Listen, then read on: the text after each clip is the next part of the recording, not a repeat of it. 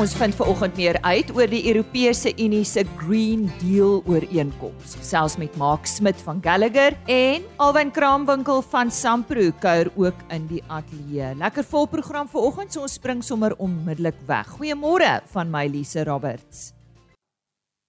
Ons gesels nou met Mark Smit. Nou hy is verkoopsbestuurder in Suid-Afrika vir Gallagher en onder meer vir veebeheer. En uh, ons praat met hom vandag oor die oplossings wat hulle bied vir landbou. Ja, maak goeiemôre. Kom ons begin sommer daar. Wat bied julle vir landbou in Suid-Afrika?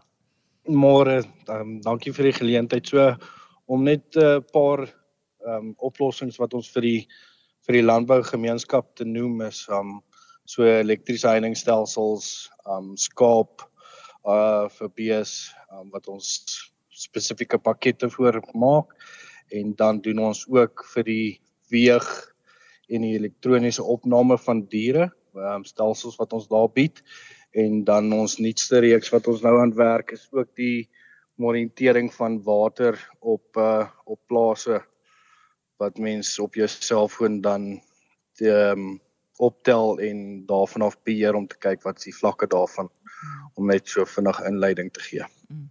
Wat is julle visie So Gallagher globaal se visie is om 'n om 'n slim boer te te te skep in terme van produkte wat jy dan gebruik. Um, om te noem so ons wil graag dat plante in die landboubedryf op 'n maklike platform alles op hulle op hulle op hulle plase of plotte of enige grond kan kan kyk basies van 'n van 'n slim applikasie af en dit sluit nou in die kondisie van jou elektriese heining, die kondisie van jou diere in terme van soos dit geweeg word kom dit deur op na jou slimfoon toe. Um daarvan af kan mens uitbrei en kan kyk wat se wat se ras is dit, wat se wanneer is hy gebore, waarvan af kom hy, waartoe is hy geskuif, so net om basies om dit in Engels te noem die traceability van diere te te doen mm. en dan verder te gaan wil ons ons met ons nuutste produkte in die water waar boere meer gemaklik kan raak om alles te moniteer van hulle fone af en dit dit sluit in om pompe aan en af te sit um, as watervlakke laag raak en kan hulle die pomp aan sit. Um dan hoef boere nie meer laat aande uit te gaan om seker te maak daar's water in die tanks of in die krips nie. Um alles kan nou basies van jou foon af gemoniteer word en net daai gemak aan aan die boer te gee en so doen ook net seker te maak hulle is meer veilig waar hulle nie in die aande op plase hoef te wees nie. Um so ek dink ons visie is om om 'n meer tegnologiese oplossing vir vir uh, die landbousektor te bied laat ehm um, alles op een platform gekyk na word en alles net makliker te maak vir die vir die eindverbruiker. Nou jy was onlangs in Nieu-Seeland. Uh waarvoor was dit? So ek was nou so 2 weke terug in Nieu-Seeland waar ek gekyk het na hoe Gallagher Nieu-Seeland se se fabrieke werk, hoe ons die toetse doen op produkte en meer op plase uitgegaan en te kyk hoe pas ons stelsels daar na die boere toe. Um so daar word baie strip grazing gebruik tussen die boere daar waar hulle verskillende kampe op hulle plase maak en rotering van die diere plaasvind met die tydelike elektriese heiningstelsels wat ons offer. Um sodoende het hulle meer beheer oor die veiding wat wat dan opgevreet word deur die deur die diere en um laat hulle um nie op 'n punt kom waar die grond oorbewei word en dit 'n groot herstelperiode hoef deur te gaan nie. Um so ek dink daar is een van die van die punte wat hulle baie goed toepas en uh wat ons graag meer wil doen in Suid-Afrika um, om hmm. boere meer te leer oor oor die strip grazing basies as jy so wil stel. Ja, ek wou jou vra hoe vergelyk ons met uh met wat hulle daar doen? So as ons kyk waar waar hulle ehm um, waar hulle is met strip grazing in terme van Suid-Afrika, het ons nog 'n 'n paadjie om te stap om meer inligting in die mark in te sit vir in die landbousektor oor hoe dit werk en wat se voordele dit vir die vir die boere het um om hulle grond beter te beheer in terme van 'n tydelike elektrieseiningsstelsel en hoeveel waarde dit vir jou toevoeg. Um so ek dink dis dis iets waarop ons sal fokus om 'n goeie oplossing so vir boere in die landbousektor te te offer. En die rede hoekom ons nou nie sal ek sê so op datum is soos die boere daar uh, in Nieu-Seeland nie. Wat wat is die redes? Is dit maar ekonomiese redes? Is dit iets wat uh, wat ek dink wat tegnologies so gevorderd is? Gee vir ons redes. Ek so ek dink een een oplossing of een rede waar wat ons het is die ekonomiese agterstand wat ons basies het in van die van die dele van die land en van die van die boere wat ons het en ek dink ook die droogtes in van die areas wat ons die laaste paar jaar gesien het waar ons baie droogtes gehad het en van die grondkondisies en so toe daai eers rehabilitasie met plaasvind voor enige veiding en dit kan plaasvind. Um, so ek dink daai is ook 'n faktor wat wat speel en ek dink die gebrek van inligting in sekere areas um van hoe strip grazing basies 'n voordeel op jou plaas kan wees. Um, so ek dink daai is daai is die drie faktors wat 'n groot rol speel in ons ekonomie as as wat in in Nieu-Seeland. Mm. Ek dink tegnologie is soos ons weet tegnologie ontwikkel elke dag. So hierdie tipe tegnologie uh waar kom dit vandaan? Wie ontwikkel dit vir julle? So ons al ons navorsing word in Nieu-Seeland self gedoen. Um ons werk hand in hand met die groot koöperasies in Nieu-Seeland wat baie met die met die eindverbruiker, met die boere self werk daar. En so sal ons dan ontwikkel en en navors op verskillende plase daar en die beste oplossing vir die boere dan dan te kry wat vir hulle werk en effektief is. Mm. Indien iemand graag met julle wil gesels maak, uh is jou kontakbesonderhede op 'n webtuiste beskikbaar? So hulle kan gaan na ons webblad toe en dan onder die kontak ons uh, afdeling sal hulle al ons inligting kry en dan kan hulle ons gerus kontak vir enige inligting wat hulle benodig of enige advies wat hulle wat hulle nodig het. Nou ja, so sê Mark Smit, hy is verkoopsbestuurder vir Gallagher in Suid-Afrika vir vee beheer en ek gaan net uh, hulle webtuiste gee. Dit is www.gallaghersa.co.za en daai Gallagher aan die einde het 'n e. G G A L L A G H E R S A. www.gallaghersa.co.za. As jy nou eers ingeskakel het, goeiemôre. Jy luister na RSG Landbou Baie welkom. Ons fokus vandag is weer op die Suid-Afrikaanse suiwelbedryf en ons verwelkom vir Alwyn Kraamwinkel van Sampro. Alwyn, kom ons kyk bietjie na die Koop SA inisiatief. Ek bedoel ons word almal aangemoedig om plaaslike produkte te koop. Wat is julle siening hiervan? Ek dink eers net koop Suid-Afrikaans is 'n is baie goed vir die ekonomie. Die tweede ding is nie 'n nuwe gedagte nie. Dit kom maar van jare gelede was daar eers 'n koop Suid-Afrikaanse veldtog en omdat hulle agtergekom het dat so 'n beroep voel vir jou goed as jy dit sê, maar dit oortuig nie eintlik verbruikers nie, is dit later verander na 'n sogenaamde trotsheid, 'n koop trots Suid-Afrikaans.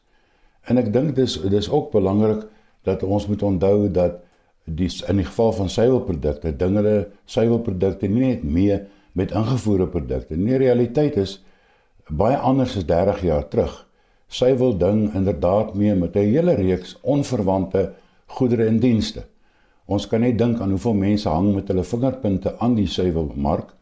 Maar as daar 'n verhoging in petrolpryse en vervoerkoste is, elektrisiteitskoste, dan word dit eenvoudig uh die vermoë om suiwel te koop verminder. Dis wanneer ons na suiwel kyk, jy te doen met ingevoerde mededing, jy te doen met substituutprodukte, maar dit het ook te doen met mededinging van totaal uh onverwante produkte en dienste. Ek dink 'n ander belangrike ding ook om te onthou is dat die verbruiker moet die vermoë hê om te onderskei tussen ingevoer en sertifikaats. En daarom het die suiwelbedryf jare gelede aangedring daarop dat die regulasie oor suiwelprodukte dit uitdruklik stel dat die land van oorsprong aangedui moet word op produkte. En natuurlik besef baie suiwelvervaardigers ook die waarde daarvan en deesdae sien jy nogal heelwat aansprake op die verpakkings wat sê nie net dat Suid-Afrikaans nie, maar ook sê van watter bepaalde deel in Suid-Afrika hierdie produk vandaan kom. Ek dink dit is 'n belangrike inisiatief. Ek dink die ander belangrike ding is moenie koop Suid-Afrikaans oorskat nie. Daar's baie faktore. Die aankoopgedrag word beïnvloed deur sosiale faktore, ekonomiese faktore, maar ook psigiese faktore.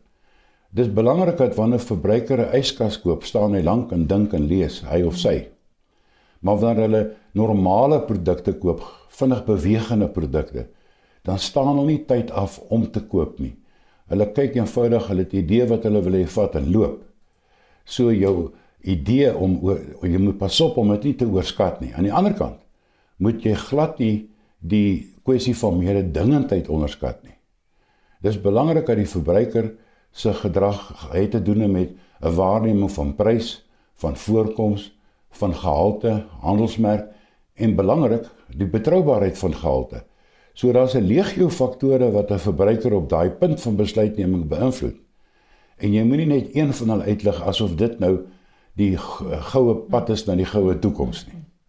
Belangrik, koop Suid-Afrikaans, maar in perspektief. Suid-Afrika se invoerder en uitvoerder bepaalde produkte is ons vir jare 'n netto uitvoerder. Dit sal nou 'n voorbeeld wees jogurt en in die meeste jare 'n netto uitvoerder van melk, ingesluit langlewe melk. Daar is bepaalde produkte wat ge, ons tipies normaalweg elke jaar 'n netto invoerder is en deel van daardie invoere is natuurlik produkte van spesifikasies wat nie in Suid-Afrika vervaardig word nie. Dit beteken nie invoere is onbelangrik nie, maar dit beteken dat uitvoere is ook belangrik. En as ons die twee met mekaar vergelyk, ons trek met ander woorde die die uitvoere af van die invoere dan tipies is dit maar so 3-4%, 5%. Nie onbelangrik nie, maar dit is nie oor die oorweldigende faktor in die Suid-Afrikaanse suiwelmark nie. Kom ons gesels so 'n bietjie oor die prestasie van uh ons suiwelprodukte in die kleinhandel. Wat sê nuus het jy vir ons? Die jongste nuus is die uh, verkope tot in die kwartaal wat geëindig in September. En die opsomming daarvan klink min of meer so: ons moniteer 9 produkte en van daardie 9 produkte het die kleinhandelsverkope in hoeveelheid 6 van hulle het afgeneem. Die hoogste afname was varsmelk, maar aan die ander kant het IAT daarom marginaal 0.2% gegroei. Kyk ons na die pryskant, dan vind ons al 9 produkte se pryse het gestyg. 6 van hulle hoër as die inflasiekoers en drie van hulle laer as die inflasiekoers. Maar belangrik daai ook as ons kyk na die geweldige stygings van insetkoste, syne geadministreerde pryse, maar ook ander uh produkte, petroleum en uh, ensovoorts, waarvan die pryse aansienlik gestyg het. Eindelik die punt wat ons maak is dat stygings in insetkoste in die primêre bedryf, dis die ouens wat ongeproseerde melk produseer en in die sekondêre bedryf is nie goed gemaak deur 'n ekwivalente prysstygings nie. As jy ekwivalente prysstygings sou kry wat moontlik is in die toekoms, mense kan nou spekuleer daaroor, kan jy verwag dat in hierdie mark wat die verbruiker en die industriële koper aan hierdie geweldige prysstygings blootgestel is, dat daar uh moet jy nie optimisties wees oor hoeveelheid verkoop nie. Ek dink die belangrike punt daar is dat die wêreld het verander. Die eerste tree was die van COVID. En daarna kom die Russiese inval, gevolg deur optrede van ander lande. En die netto effek is dat die wêreld is armer. Daarom is Suid-Afrika armer en die einde van daardie invloede is nog nie in sig nie. So die onsekerheid wat nou ontstaan het in die internasionale mark en oorvloei na Suid-Afrika is regtig op 'n rekordhoë vlak. So die die toekoms moet jy daadkragtig, maar nie met te veel optimisme benader nie. Daar is nie 'n goue eier aan die einde van die reënboog in die volgende paar maande nie. Dankie. Dankie. 'n Geseënde Kersfees vir jou. En voorspoed vir julle en Dankie. voorspoed met die goeie werk wat julle doen. Mag die waarheid ja. altyd julle rigsnoer wees. Dankie. Sien jou in 2023. Dankie. Somme vroeg in die jaar. Totsiens. Daar sy. Alwyn Kraamwinkel van Sampro.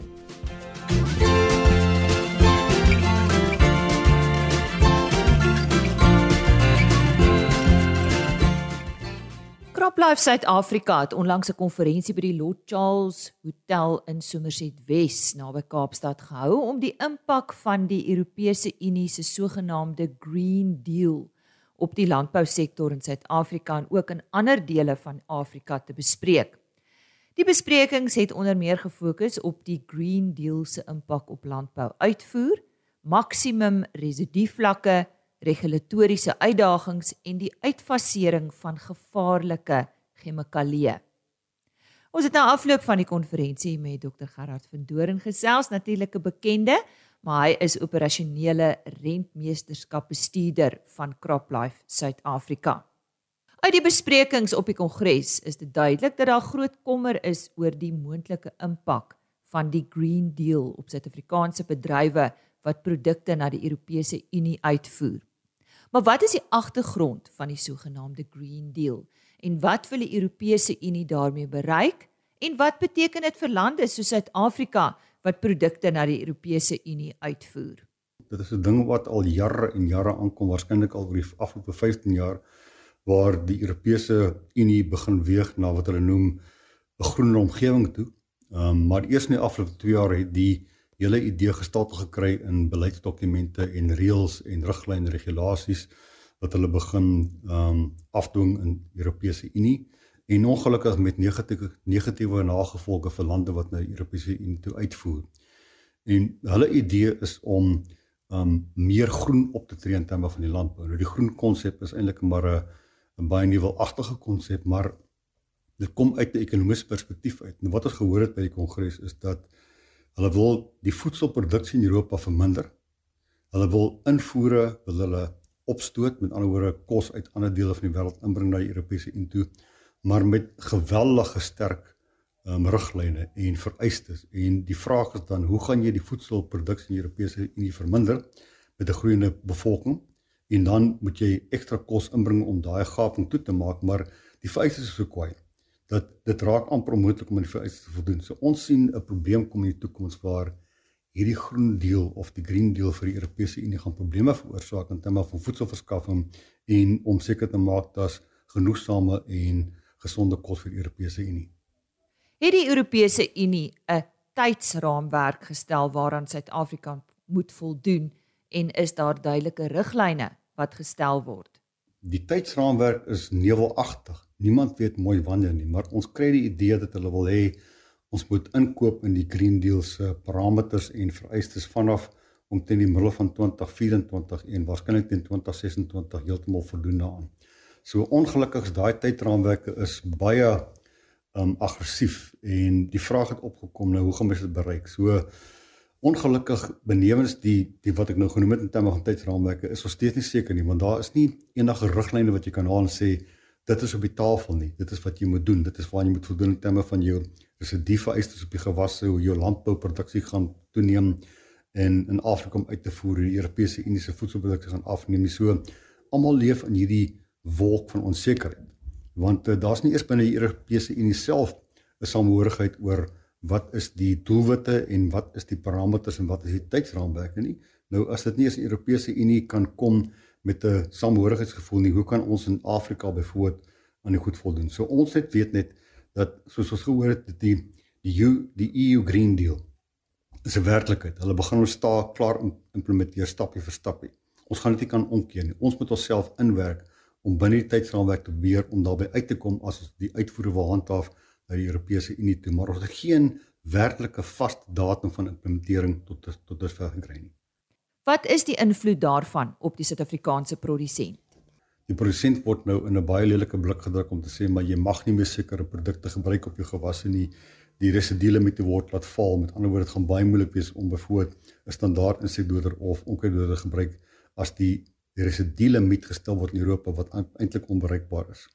En die die gevaar lê daarin dat ons dit nou aangehaak by die Euro, hele Europese Unie Green Deal die die wêreldwye harmoniseringsstelsel vir gevaarlike stowwe en daarbey aangeheg 'n derde parameter is hier sogenaamde kankerwekkende mutageniese en geboortedefekmiddels en dit lyk of die wêreld van daai produkte heeltemal slaaf raak. En nou is 'n klomp van die chemikalieë lê onder daai parameters. So die boer het onmiddellik die dreigement um, in wese dat daardie produkte gaan verdwyn. En 'n klomp van die produkte is eintlik ononderhandelbaar in terme van gewasprodukte. As jy die produkte wegvat, het jy nie meer gereedskap om daai peste en plant siektes op plante mee te beheer nie. En nou gaan die boer sit met woorde met 'n baie kleiner mandjie van gereedskap waar daar in die hele mandjie is daar 'n groot gaping in terme van hierdie produkte wat moet volgemaak word. So die boer sit met 'n dilemma in die volgende paar jaar, hoe gaan ek 'n gewasbeskerming op my plaas doen as ek byvoorbeeld daardie 22 komponente uit my mandjie van gereedskap verloor. Dit is wat die boer se probleem op die vlak is. En wat moet elke produsent doen om homself voor te berei vir die Green Deal? Wel, wat elke boer behoort te doen in terme van die moontlike impak op hom of haar as gevolg van die Europese Unie se Green Deal is om eerste plek jouself um te bemagtig met die kundigheid. Want ons indruk is dat baie van die produsente weet nie daarvan nie of tipies produsente raak bang vir die storie en hoop hy gaan weggaan. Hy gaan nie weggaan nie. Ons het gehoor op die kongres dis 'n werklikheid. Die vraag is hoe gaan ons deur hierdie werklikheid stroom en hoe gaan ons aan die ander kant lewendig uitkom om steeds aktief kan produseer en uit vir die Europese Unie toe. So die boer moet homself bewus maak. Die boer moet werk binne 'n produsente konteks, byvoorbeeld met die sitruskwekers of met die die vrugtekwekers of die graankwekers of die subtropiese vrugtekwekers en hulle self skaar in 'n bondel as kampus kan sê, want hoe meer mense saam staan, makliker kan jy die die die storie aanvat. En dan ook vir ons aan te dui, wat is die produkte wat vir die boer ononderhandelbaar is? In ander woorde, het ek byvoorbeeld daardie spesifieke strobilurin um sonder de nodig. En as jy hom nodig het, gee ons die werklike wetenskaplike feit en sê maar ek het hom nodig. Dis wat my gewas nodig het. Dit is wat my verliese gaan wees as ek hom nie gebruik nie. Want dit is op die ouende die argumente wat gaan staan teen die Europese Unie om bloot te kom sê maar ek gaan nie kan produseer nie. Daardie emosionele um uitbarstings kan mens amper sê van ons kant van CropLife of van die boer se kant gaan nie werk. Jy moet kom met harde wetenskaplike feite. So die boere moet hulle self vergewis, hulle moet hulle saam staan binne um die die gewasbeskermings of die gewasproduksieverband en hulle moet hande vat met die met die gewasbeskermingsbedryf en vir ons die inligting gee wat ons kan gebruik om wetenskaplike dokumente saam te stel as 'n teenvoet teen die Europese Unie maar dit die boere moet nie net gaan wegkruip nie want hierdie is 'n werklike wat op hulle gaan afkom. CropLife SA het die verantwoordelikheid op homself geneem om Suid-Afrika voor te berei vir die Green Deal. Wat doen hulle van hulle kant af? CropLife Suid-Afrika sit in 'n groot dilemma. Want almal kyk na ons as die soort van weesheer van plantbeskerming en die verdediging van die plantbeskerming ook vir die produsente. Maar ons sit met hierdie nevel van kom ons sê onkundigheid in die bedryf. Ons sit met 'n probleem wat niemand weet werklik waar wat die Europese Unie se Green Deal vir ons beteken nie, want die parameters is baie nevelagtig. Die teikendatum is baie nevelagtig. Die riglyn is baie nevelagtig. En as tot op hier staan nog geen direkte aandring selfs van ons in Suid-Afrika van die staat se kant af nie watter produkte kyk die staat na om uit te faseer en watter produkte gaan in die mark oorbly. So Croplife Suid-Afrika het besluit ongeag hierdie wolk van van ehm um, kom ons sê maar onsekerheid wat oor die hele Europese Green Deal hang, het ons begin met werkgroep om te kyk na watter produkte staan moontlik in die spervuur en wat moet gedoen word om daardie produkte te verdedig. Nie alleen te verdedig, maar watter produkte kan ons byvoorbeeld sê vat uit dis nie meer nodig nie. Maar daar is sekerlik 'n hele komplement produkte wat werklik waar nodig is vir 'n produsent en ons het begin werk met bedryfsliggame so om te sê maar watter van hierdie produkte het julle definitief nodig om julle gewasse mee te beskerm. En daar's 'n werkgroep aan die gang om te kyk na die produkte, te kyk na hoe kan ons die produkte beveilig? Is daar moontlike maatreëls om die produk beveilig wanneer dit aangewend word op die gewasse om die risiko uit te haal van die gebruik van die produkte? En dan ook te kyk as 'n produk werklik waar moet gaan en moet verdwyn in die mark uit. Wat kom agter sy plek in? En hoe kan ons daai proses bespoedig om die produk vinniger deur te kry deur ons regulatoriese stelsel. Want ons weet in Suid-Afrika het ons 'n baie ernstige ehm um, vertraging in terme van registrasie van produkte en jy kan nie 'n produk uit die mark uithaal as jy nie vinnige produk agter hom insit nie. En dit is wat CropLife aanvat in anderwoorde om die hele bondel van produkte te detekteer wat uit die mark uit gaan gaan te kyk wat kan ons maak om produkte te beveilig en as 'n produk moet verdwyn. Wat is die mitigasie om te bring om seker te maak daar's iets in die plek van die produk as hy op 'n dag in 2024 uit die mark uit gaan, dan is daar vervanging wat die werk kan doen vir die boer. Dit is nie net Suid-Afrika wat deur die Green Deal geraak word nie.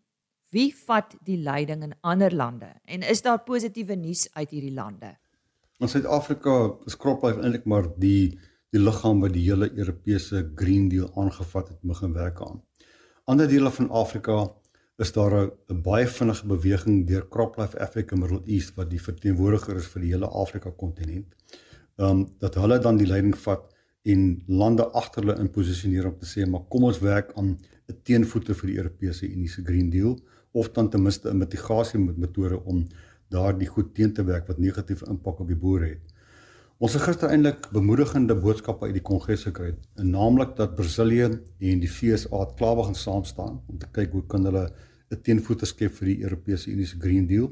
En ons het ook gehoor dat Kanada begin beweeg om saam met um Brasilië en Amerika in te klim as 'n teenvoeter vir die stoel. Dit is baie bemoedigend want jy praat van drie verskriklike groot lande wat uitvoer um lande is na die Europese Unie. Natuurlik ook invoere, maar ek was geskok om te hoor dat byvoorbeeld die BRICS-lande het nog nie met 'n beweging begin nie behalwe Brasilië. So ehm um, ons kan verwag dat in die nabye toekoms daar waarskynlik beter posisionering gaan wees van baie van die onafhanklike lande, so byvoorbeeld Rusland en China, selfs Indië om te kyk of hulle kan saamwerk met die groot lande soos Amerika en Brasilië en die en Kanada nie, want dit dit gaan nodig wees dat daar een verenigde front gaan moet kom om die hele Europese Unie Green Deal teen te staan en 'n beter dispensasie te beding. Maar dit gaan nie werk as lande individueel kom en hulle eie bietjie werk gaan doen. Jy moet in 'n kontinentale verband wees of jy moet werk in 'n globale verband om iets op die tafel te plaas om te sê maar dit kan nie werk nie. Dit gaan negatief wees in terme van voedselproduksie en voedselveiligheid vir die hele wêreld. Dr Gerard Verdoren, operasionele rentmeesterskap bestuurder van CropLife Suid-Afrika, wat terugvoer gegee het oor 'n konferensie wat onlangs in Somerset Wes plaasgevind het om die impak van die Europese Unie se sogenaamde Green Deal op die landbousektor te bespreek. Ons het ook vir Tracy Davids, bestuurder kommoditeitsmarkte en vooruitskouing van die Buro vir Voedsel en Landboubeleid of BFAP gevra of die Europese Green Deal en die sogenaamde Farm to Fork strategie enige geleenthede vir die Suid-Afrikaanse vrugtebedryf inhou en of daar risiko's is wat produsente se winsgewendheid onder druk kan plaas. So as mens kyk na die navorsing, die eerste navorsing wat vanuit die EU kom, dan dan blyk dit dat daar addisionele vraag na invoere gaan wees. So produsente word ingeperk in in hoeveel chemikalieë en en en sulke goed hulle kan gebruik. Ehm um, dis sal dit 'n invloed op produksievlakke hê en dan natuurlik ook 'n invloed op op handel. So daai het sou mense sê dat hulle meer produkte gaan invoer. Ehm um, dit blyk ook uit hierdie studies dat baie van daai produkte vars produkte gaan wees, ehm um, veral ook vrugte. En Suid-Afrika is natuurlik goed geplaas om om daai produkte te voorsien. Ons stuur reeds baie vrugte na na die Europese Unie toe um, en en ons ding goed mee in daai mark. So dit sou natuurlik beteken dat daar markspasie is, dat daar geleentheid is vir ons produsente om te ontgin. So daar is natuurlik ook risiko's vir Suid-Afrika se produsente. Ehm um, die Europese Unie is vir ons 'n baie belangrike mark. Ehm um, daar's verskeie van ons vrugtebedrywe veral wat wat 'n groot deel van hulle uitvoere na die Europese Unie toe gaan as ek dink aan aan iets soos soos avokado pere, ehm um, iets soos soos tafeldrywe wat meer as 70% van hulle produkte produk na Europa stuur. So as jy natuurlik in 'n situasie kom waar ons nie noodwendig kan voldoen aan aan nuwe standaarde nie, dan dan stel dit daai mark op 'n groot risiko en as daai produk dan na 'n ander markte toe moet gaan, is dit dit baie addisionele volume wat mense instoot en en dit sal natuurlik 'n prysimpak hê. So in daai geval sal ons produsente dan dan laer pryse vir hulle produkte kry in daai alternatiewe markte. En so sê Tracy David, sy is bestuurder kommoditeitsmarkte en vooruitskouings by BFAB of die Buro vir Voedsel en Landbou Beleid. Dis tyd om te groet. Dankie dat jy saamgekuier het. Ek sien uit na môreoggend. Totsiens. RSG Landbou is 'n plaas media produksie met regisseur en aanbieder Lize Roberts en tegniese ondersteuning deur Jolande Rooi.